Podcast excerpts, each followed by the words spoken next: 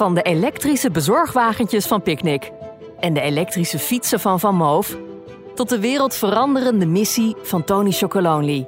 Welke inspirerende verhalen schuilen er achter deze succesvolle Nederlandse bedrijven? Ons doel is alle illegale arbeid uit de cacaoketen verbannen. Dat is onze missie, dat is onze visie. Dat kan, daar ben ik 100% van overtuigd.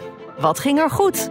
Wanneer zwaaiden de deuren open en werden de doelen bereikt? Dat was eigenlijk voor ons wel op een gegeven moment dat we dachten: hé, hey, wacht eens even.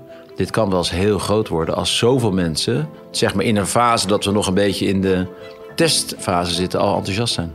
Twee jaar geleden nog met grote moeite een lening los kon pulken van 5 miljoen. En nu haal je inderdaad relatief gemakkelijk 128 miljoen binnen. Dus het is wat dat betreft uh, best wel onwerkelijk. En waar moesten er hobbels op de weg worden gladgestreken om die uiteindelijke top te kunnen bereiken? We hadden alles op rood gezet. We hadden alles eruit geperst om die fiets te kunnen ontwikkelen. Al onze tijd, al ons geld zat erin. We hadden geen investeerders. En het moest een succes worden, anders was het gewoon afgelopen.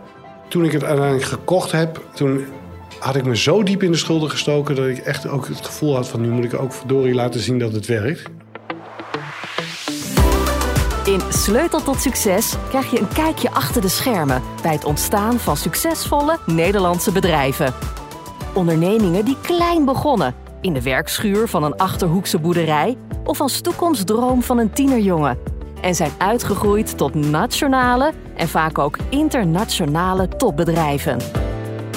Ga mee op ontdekkingstocht en vind samen met mij, Hannelore Zwitserloot, die ene sleutel tot succes. Sleutel tot Succes is een podcastserie van De Ondernemer en Topcast Media.